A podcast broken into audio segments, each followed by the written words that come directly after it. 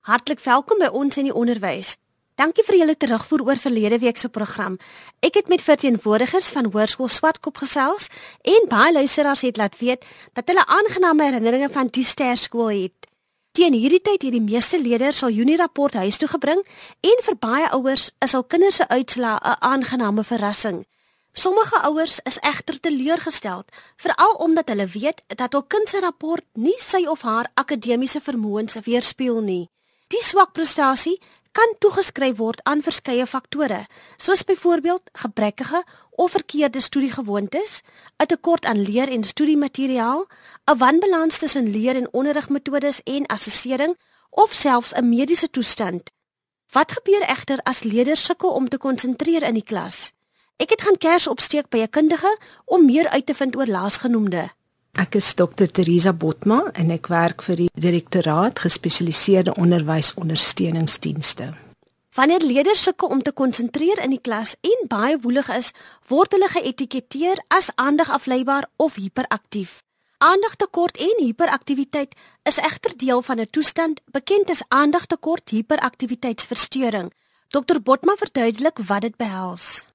Dis altyd ATHV met die drie verskillende tipes wat 'n mens kry. Die eerste een is ehm um, hiperaktiwiteit met impulsiwiteit en dan kry jy ATHV aandagtekort tipe, dis ons dagdromers gewoonlik. En dan ATHV hoofsaaklik die gekombineerde tipe kom die meeste voor. Aandagtekort hiperaktiwiteitsversteuring het verskeie hoofkenmerke. Gewoonlik is daar 3 kenmerke wat ons noem die primêre kenmerke. Dis aandagtekort, hiperaktiwiteitsversteuring en dan impulsiwiteit en daar is ook drie tipes. As mens sê ATHV, ehm um, hoofsaaklik die aandagtekort tipe, maar met die nuwe diagnose wat ons gebruik in die DSM, sal jy ook agterkom dat jy kan nie meer net praat van ADD nie, so ons praat ATHV hoofsaaklik aandagtekort tipe. En dan kry jy nog twee ander tipes. Dit is ATHV hoofsaaklik hiperaktief en impulsief en dan ook ATHV, hoofsaaklik die gekombineerde tipe. Daar is ook sekondêre kenmerke van die toestand. Ek sê altyd dis omtrent soos kaart speel. Elkeen kry 'n hand en daar's verskillende kaarte in. So nie een ehm um, kind wat gediagnoseer word met ATHV sal presies dieselfde simptome hê nie. Maar die mees algemene simptome wat 'n mens kan waarneem is hulle is byvoorbeeld rusteloos, hulle vroetel baie, En dan sal dit nou die een wees met meer die hiperaktief impulsiewe tipe. Hulle sit moeilik stil. Hulle is maklik afleibaar. Ehm um, dis vir hulle moeilik om hulle beurt af te wag. In 'n klas hulle byvoorbeeld antwoorde uitskree, dan moet juffrou gewoonlik vir hulle sê: "Nee, steek eerder jou hand op." Probleme om instruksies te volg. En dit kry ons baie in ons klasse wanneer juffrou byvoorbeeld vir hulle sal sê: "Ehm um, haal uit jou wiskundeboek, maak dit op bladsy 10 oop." Begin met oefening 3 en onthou om die datum bo aan te skryf. Teen daardie tyd is die kind heeltemal verlore. So of hy gaan niks doen nie of hy moet vir sy maatjie vra, "Um wat moet ons doen?" en dan kom hulle gewoonlik in die moeilikheid. Dan ook probleme om aanhoudend aandag te skenk. Hulle sal ook baie keer verskuif van een onvoltooide taak na 'n volgende. So as jy deur hierdie leerders se boeke blaai, dan sal jy baie keer onderaan sien werk onvoltooid, ehm um, werk nie gedoen nie. Leerders met ADHD word dikwels verkeerdelik as luidrigtig bestempel. Dan kry jy ook die tipe wat hardop speel. Hulle sal gedurig praat in die klas. Hulle sal terwyl hulle hulle skoolwerk doen, praat hulle. As mamma en pappa hulle kom haal by die skool, dan praat hulle aanhoudend. Dit is meer die hiperaktiewe impulsiewe tipe. Hulle sal ook ander onderbreek. As jy besig is om met iemand te praat, dan wil hulle nou jou aandag hê en as jy vir hulle sê praat eers later, as jy dan vir hulle vra, dan hulle gewoonlik vergeet wat hulle vir jou wou sê. Dan is dit ook dit voel vir 'n mens hulle luister nie. Jy kan uh 100 keer met hulle praat en dit hulle luister nie. So baie ouers sal ook vir my sê, "Ma, Teresa, staan iets fout met my kind se ore nie." En dis goed dat mense dit laat uitklaar, maar dis is ook 'n simptoom van hulle. Vergeetachtigheid is nog 'n probleem. En dan ook verloor of vergeet hulle items baie keer. As hulle by die skool kom, is hulle skoolboek by die huis. As hulle by die huis is, dan is die boek weer vergeet by die skool. So hulle verloor ook baadjies, hulle verloor skoene en dit is 'n tipiese kenmerk van kinders met ADHD. Leerders met ADHD verkies dikwels 1 tot 1 interaksie. Dan ook werk hulle beter op 'n 1 tot 1 basis as in 'n groot groep, want omdat hulle aandag afleibaar is, is dit al klaar vir die juffrou na wie hulle moet luister, maar daar's ook baie keer 30 tot 35 kinders om hulle wat hulle aandag dan ook kan aftrek. Hulle speel ook beter met 'n ouer of met 'n jonger leerder as met hulle eie portuïergroep. Want baie van die hierdie ehm um, leerders het nie goeie sosiale vaardighede nie. Eksamens en toetse is nie altyd 'n ware weerspieëling van die leerders se vermoëns nie. En dan ook 'n groot ding wat vir hierdie kinders baie frustrerend is. As mamma en pappa die aand die werk met hulle deurgaan, dan ken hulle dit. Maar as hulle die toets terugkry die volgende dag, dan is dit nie baie goed nie. So hulle is baie gefrustreerd baie keer en tog is daar niks intellektueel met hulle verkeerd nie. Nog 'n kenmerk is 'n lae selfbeeld. Dan ook 'n swak selfbeeld is vir my iets wat vir hierdie kinders baie negatief um, kan beïnvloed. Want vandat hulle opstaan, is mamma of pappa amper besig om vir hulle te sê trek aan, ons gaan laat wees. Bring jou goed, ons gaan moet ry. Kom kom bys toe, kom eet. En dan stap hulle in die skool in en dan het hulle gewoonlik 'n boek vergeet en dan sal weer probleme. So hulle voel later, maar hulle kan niks reg doen nie. So dis vir my 'n baie belangrike punt dat 'n mens dit bewus moet wees daarvan dat jy nooit jou kind se selfbeeld afkraak nie. Huiswerk en hoe om take aan te pak is nog 'n uitdaging. Huiswerk was vir hulle glad nie lekker nie. Hulle sal eerder sê ek het nie huiswerk nie, net om dit nie te wil doen nie, want hulle sal eerder buite gaan speel dan is dit vir my belangrik dat 'n mens altyd na skolastiese probleme kyk. Lees wiskunde want dan mag wees dat van hierdie kinders sekere basiese aspekte gemis het in hulle in hulle skoolloopbaan en dan kan dit later manifesteer in skolastiese probleme. Een van hulle grootste probleme waarmee hulle sukkel is swak organisasievermoë as hulle 'n taak kry, dan weet hulle nooit waar moet ek begin, watter stuk moet ek in die middel sit. So daarom sal baie van hulle dit uitstel tot absoluut op die laaste, miskien dat die taak met maandag in wees, dan sê hulle eers maar sonderdag um, hulle te taak vir môre. So dit is van die eienskappe wat voorkom. Leerders met ADHD verkies gewoonlik televisieprogramme en rekenaarspeletjies. Dis goed wat hulle weer baie lank kan uh, aan tyd spandeer. So dis net altyd vir my 'n bevestiging van as hulle daardie goed lank kan doen, dat daar's wel aandag probleme ook. Aandagtekort hiperaktiwiteitsversteuring het verskeie oorsake. Mens kan dit gewoonlik opbreek in probleme wat kon veroorsaak word voor geboorte, tydens geboorte of na geboorte. Genetiese oorsake speel 'n groot rol. Byvoorbeeld as 'n pappa ATV was, um, is die kans baie goed dat daar byvoorbeeld 'n seun in die gesin gaan wees wat ook ATV het. En dan het hulle baie keer dieselfde tipe. Maar baie keer is as die mamma ATV was, mag dit in 'n ander vorm in die kind manifesteer of in 'n ander tipe ehm um, soort as wat sy gehad het. Die ander oorsake waarvan ons definitief seker is, is dat daar ehm um, probleme is met die neurooordragstowwe. Die dopamien en noradrenalien speel 'n groot rol en dit is maar net ehm um, as jy die boodskap moet oordra van een neuron na die volgende neuron is daar sinaps tussen die twee neurone. En die neurooordragstowwe moet die impuls oordra. En baie keer is daar amper soos ehm um, stofsuiers wat die dopamien terugsuig. So dis nie dat daar nie genoeg dopamien is nie dit suig dit net terug so dit kan nie die boodskap oordra nie. Dan as ons kyk na voorgeboorte, baie keer het 'n mamma alkohol gebruik of ehm um, verdowingsmiddels gebruik en dit veroorsaak dat daar 'n lae geboortegewig is met die baba en dan weet ons al baie van hierdie kinders gaan ATV miskien hê. Dan tydens geboorte kan daar ook beserings voorkom wat ook 'n impak kan hê op 'n baba. En dan as ons kyk na geboorte, as die mamma ehm um, byvoorbeeld ook die kind blootstel aan rook of alkohol of ander verdowingsmiddels, dan gaan dit 'n rol speel. 'n Ander oorsaak wat ons definitief nou seker van is is loodvergiftiging. En ek dink ehm um, dit is vir my baie kommerwekkend as 'n mens kyk na hoe besoedeling in ons land, dan gaan daar definitief gevare in wees vir ons kinders. Ook 'n onvoldoende mate van sink um inname, dit speel 'n rol. So 'n mens sal na elke geval individueel gaan kyk om presies te weet wat moontlik die oorsake kan wees. So gesels Dr Teresa Botma van die Wes-Kaapse Onderwysdepartement, die WKOD.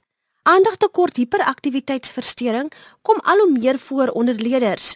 Ken jy dalk iemand wat hiermee gediagnoseer is en hoe raak dit hierdie persoon se lewe? Laat weet ons gerus wat jou ondervinding hiervan is. Teen R1.50 kan jy 'n SMS na 3343. Vandag val die kollig op aandagtekort hiperaktiwiteitsversteuring. Dr Teresa Botma van die WKOT het as deel van haar doktorale studie 'n boek en DVD oor die onderwerp beskikbaar gestel. Daar is ook 'n boek wat deel was van my ehm um, doktorale studie. Dit is die uitdaging ATAV in gids vir opvoeders en dis beskikbaar by uh, by Edumedia. En daar's ook 'n DVD daarmee saam wat 'n mens vir opleiding doeleindes kan gebruik by 'n skool om vir onderwysers en selfs vir ouers te help hoe om hierdie kinders te hanteer in 'n klas en dan ook hoe om hulle te identifiseer. Die toestand affekteer leerders se vordering op skool. Omdat hulle nie altyd 100% kan aandag gee nie, is daar belangrike punte en die vaslegging van sekere ehm um, werk wat wat nie voldoende gaan wees nie. So hulle skoolwerk gaan 'n effek hê. Mens sien dit baie keer dat intellektueel sal jy hulle assesseer en hulle is gemiddeld tot bo gemiddeld, maar hulle punte reflekteer dit nie altyd nie. So dan wonder 'n mens maar hoekom nie? Maar as jy dan agterkom maar hierdie kind kan nie konsentreer nie, hulle toon al die simptome van aandagtekort, dan besef jy waar die leemtes dan lê. Hulle gedrag word ook baie keer um geraak daardeur want dis die ouetjies wat sal opstaan in die klas en rondloop of gedurig praat en dan kom hulle in die moeilikheid daaroor want hulle steur ander leerders so hulle weerhou die leerders van um, om eintlik werklik hulle volle potensiaal dan ook te ontwikkel. Die ander groot negatiewe invloed vir hulle is verhoudingsbou. Hulle het baie keer swak verhoudings met hulle eie maats, maar hulle ook baie keer swak verhoudings met ouers want hulle kan uh, vir die ouers baie frustreer omdat hulle voel hulle luister nie, hulle wil nie hulle huiswerk doen nie. En dan ook verhoudings met onderwysers want Ek sê altyd baie van hulle irriteer 'n onderwyser geweldig baie want hulle beïnvloed die atmosfeer in die klas en juffrou moet gedurig of meneer moet gedurig met hulle praat en dit voel vir hulle hulle kry nie hulle samewerking nie. Hulle ek het dan gister met jou gepraat, hoekom luister jy nie vandag nie? So dis alles goed wat hulle verhouding ook met die onderwyser gaan beïnvloed. Die leerder self word geaffekteer want hy voel baie keer mislukking en hulle gaan dan eerder take vermy sodat ek nie nog mislukking gaan ervaar nie. 'n Diagnose moet net deur kundiges gemaak word. Die simptome moet langer as 6 maande reeds voorkom. Die vorige aand het mamma of pappa beklei in die huis en nou kan hulle niks anders dink hulle staar net uit by die venster.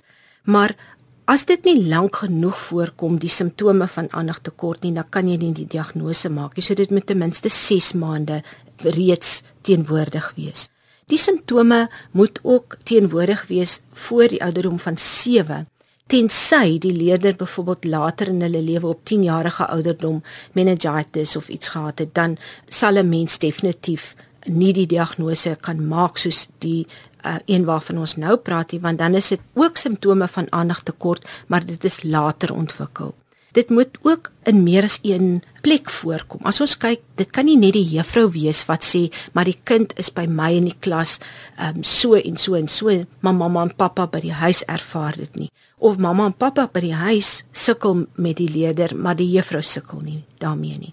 En dan ook, ehm um, dit moet ook 'n beduidende impak op hulle sosiale, akademiese lewe hê. En dan sal 'n mens altyd gaan kyk, wat is die ontwikkelingsgepaste gedrag wat jy eintlik van daardie ouderdomskind verwag. So ons kan nie van 'n 5-jarige kind verwag om baie lank te fokus nie. So as ons dit sê, dan moet jy ook weet hoe lyk 'n kindjie wat 5 jaar oud is, maar wat nie aandagtekort probleme het nie, sodat ons dit dan vergelyk met hulle.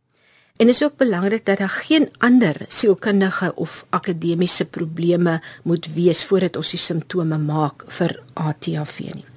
Die persone wat gewoonlik verantwoordelik is vir die diagnose maak van hierdie leerders sal 'n pediater wees, 'n psigiater en dan ook sielkundiges wat um, baie kennis het van hierdie gebied en dan ook jou algemene praktisyns baie van hulle is baie goed daarin Gedragsmodifikasie is 'n effektiewe behandelingsmetode. Wanneer 'n leerder jonk is, sal 'n mens graag op positiewe gedrag wil werk as wat jy eerder op negatiewe gedrag gaan werk. Sodat mens begin kyk wat doen hulle goed dat jy daardie gedrag eerder versterk as wat ons heeltyd op hulle negatiewe gedrag fokus. Want in so 'n mate versterk 'n mens dan ook die negatiewe gedrag en hulle gaan aanhou om dit te doen want ek kry um vir 10 minute lank my ma my pa se aandag. Struktuur en rotine is onontbeerlik. 'n Kind wil graag die rotine en die struktuur omvergooi vir alles hulle aandag afleibaar is, maar hulle doen die beste in huishoudings waar daar baie goeie struktuur en rotine vir hulle is. Soos hulle moet presies weet wat van hulle verwag word. Wanneer gaan ek huiswerk doen? Wanneer is my tyd om te bad? Wanneer is my tyd wanneer ek moet gaan slaap? Want as ons hierdie kinders toelaat om hulle rotine te breek, dan gooi dit hulle omver. Die juffrouens met baie goeie struktuur en rotine in 'n klas, dan begin die kind later veilig voel in daardie klas. So dis vir hulle makliker om aan te pas en hulle werk te doen, want hulle weet ook as ek hierdie oortreding doen, dan gaan daar vir my implikasies wees. Baie keer sal ouers tot 10 keer praat met 'n kind voordat hulle luister, maar as hulle eerder die reël toegepas het, ek praat nie 3 keer en daarna gaan ek vir jou straf of daarna gaan jy 'n voorreg verloor, sal dit baie makliker wees want jy verwys net elke slag terug na die reël eerder as wat jy die kind aan mekaar gaan straf. So daar's baie gedragsmodifikasie goed wat mens in plek sal stel. As jy nodig het om die kind te straf, moet jy hulle dadelik straf en dit moet pas by die oortreding. Baie keer sal ouers kinders straf en sê vir die volgende maand gaan jy nie televisie kyk nie, maar dit is nie uitvoerbaar nie. So onmiddellik besef die kind ook maar my ma het nie dit toegepas of my pa het nie toegepas nie, so ek kan maar volgende keer weer iets doen. So ek sê eerder straf hulle korter, maar dit moet pas by die oortreding. Medikasie vir ADHD is gewoonlik die laaste uitweg. Vir my is dit ook belangrik om sosiale ondersteuning aan hierdie kinders en ouers te gee, want hulle bevind hulle in 'n baie moeilike posisie en so ook vir onderwysers. En dan is daar ook behandeling deur medikasie. So daar's verskillende tipe medikasies wat baie vinnig kan werk. Weereens sal dit 'n mens se laaste uitweg wees, Dr Botma se praktiese riglyne vir onderwysers is nommerpas om leerders met aandagtekort hiperaktiwiteitsversteuring te ondersteun. Ek sal definitief sê vir my moet 'n onderwyser baie goeie kennis hê van wat presies is aandagtekort hiperaktiwiteitsversteuring. En baie keer as ek met onderwysers praat of met ouers praat, dan sê hulle vir my, "Maar hoe gaan ek weet wanneer is die kind byvoorbeeld stout en wanneer is die kind ATHV?" En as jy 'n goeie kennis het van ATHV, gaan jy die twee kan onderskei. Want as 'n kind sy boek by die huis vergeet het of by die by die skool vergeet het en jy straf hom, dan weet ons dit is definitief 'n simptoom van ATHV. As hulle werk nie klaar is nie. Baie van ons ATHV kinders het nooit 'n pouse nie, want hulle moet gedurig inbly om hulle werk klaar te maak. Hulle is klaar swak sosiale vaardighede. Voel klaar sleg oor hulle self, maar dan moet hulle nog dit ook doen. Of die werk wat nie in die klas klaar gemaak is nie, kry hulle dan vir huiswerk. En dan mamma en pappa werk daar, hulle kom eers miskien 6 uur by die huis en dan moet mamma kos maak, maar sy moet ook daardie huiswerk doen en die agterstallige werk en dit is baie druk op ouers dan ook. So daarom sê ek mense sal jou ATV kinders ook kyk dat jy uh, hulle werk diferensieer. Dat jy vir hulle sê um, waar die ander kinders miskien 10 kry, uh, gee vir hulle minder, maar die gehalte moet dan baie goed wees. Baie van hierdie kinders as jy vir hulle 10 somme gee om te doen, dan voel dit vir hulle soos hulle met 'n berg uitklim. In plaas daarvan gee hulle 2 en sê kom wys net vir juffrou as jy klaar is. OK, gaan doen jou volgende 2 baie onderwysers straf leerders met aandagtekort, hiperaktiwiteitsversteuring en hulle ek hoor dit baie en dit maak my hart baie seer want hulle sit die kinders uit die klas uit of hulle sit vir hulle buitekant en dan mis daai leerder daardie werk en as hy inkom in die klas en hy vra um, wat se werk moet ons doen en hy praat dan sit weer 'n oortreding daar's eintlik ander maniere wat 'n mens hulle kan help deur om 'n goeie verhouding met daai kind op te bou. Ek weet dit is baie moeilik want baie van hierdie kinders is baie uitdagend en ehm um, hulle doen altyd goed verkeerd. Maar ek sê as jy 'n goeie verhouding met 'n uh, ATAV kan kan hê, gaan jy engele in die klas hê. Maar as jy nie 'n goeie verhouding het nie, gaan jy 'n duiwel in die klas hê. Dan ook alternatiewe assessering. Hulle het soveel rituele voordat hulle kan begin werk. Hulle skuif hulle boeke rond. Hulle kyk eers wat die ander doen. Hulle kyk eers wat juffrou doen. En dan het 'n goeie 10 minute al um, verbygegaan. So mense altyd wil hê ons wil vir hulle ekstra tyd gee om nie te kyk wat hulle nie kan doen nie, maar om te kyk wat is die gehalte van werk wat hulle doen. Omdat hulle ook spesifieke leerprobleme kan hê, sal 'n mens miskien die werk minder maak en vir hulle leer hoe om redelike goeie studiemetode te hê sodat jy nie vir hulle lang stukke werk gee om te leer nie want dis vir hulle baie oorweldigend en erg. So maak eerder die werk korter en doen meer gereeld assesserings sodat hulle die werk kan behartig dat mamma en pappa by die huis die werk kan behartig en sê lank voor uit wanneer skryf hulle 'n toets of 'n eksamen of wanneer moet 'n taak in wees en gee dit ook vir die ouer want Ehm um, as die ouer weet dit is my kind se take moet op hierdie datums wees. My kind se toetse is op hierdie datum. Kan hulle lank voor die tyd begin voorberei. Hoofde speel ook 'n sleutelrol in die verband.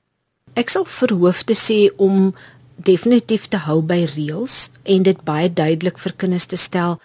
Dit is die gedrag wat vir ons skool aanvaarbaar is en dit is nie. En ook om die emosionele intelligensie van kinders te ontwikkel deur hulle te leer wat is respek en wat is verantwoordelikheid want jy kan nie net 'n kind gaan verskoon van sekere gedragspatrone net omdat hy aandag tekort hiperaktiwiteitsversteuring het nie maar jy moet wel vir hulle leer um, hierdie sosiale vaardighede is vir ons as skool baie belangrik ons gaan nie net ander kinders seermaak en omdat ek nou aandag tekort uh, hiperaktiwiteitsversteuring het word ek verskoon daarvan nie so daar's vir my definitiewe onderskeid wat 'n mens kan doen om goeie reëls vas te lê by die skool. Die hoofde moet ook hierdie kinders gebruik want baie van hulle is uitstekende leiers om vir hulle te betrek by leiersposisies om te sien waar kan ek hulle goeie potensiaal ontwikkel want baie is uitstekende leiers en gebruik dit dat jy daar vir hulle hulle talente kan ontwikkel dat hulle begin goed voel oor hulle self En as hulle begin goed voel oor hulle self gaan hulle minder probleme met hulle hê. Want baie sal opponerende gedrag toon om niemand aanvaar my nie. Niemand sien ek het ook goeie potensiaal in my nie. Ouers wie se kinders gediagnoseer is met aandagtekort hiperaktiwiteitsversteuring, moenie tou opgooi nie.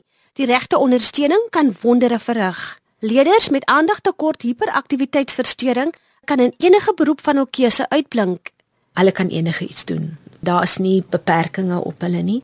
Hulle is baie goeie werkers. Hulle kan meer as een taak gelyktydig doen. Hulle kan dink aan iets en hulle kan iets anders doen. So 'n mens sal definitief graag hierdie mense wil aanneem in jou besigheid want hulle word ook nie so gou moeg nie. Hier is dokter Botma se kontakbesonderhede. My telefoonnommer is 021 467 2208 of hulle kan vir my e-pos wat eintlik die maklikste is dis Teresa T H E R E Z A botma b o t h m a @gmail.com. Dit dan ons program oor aandagtekort hiperaktiwiteitsversteuring. Onthou ons hoor graag van jou. Ons SMS nommer is 3343 en elke SMS kos R1.50. Vriendelike groete van my in Thea Adams.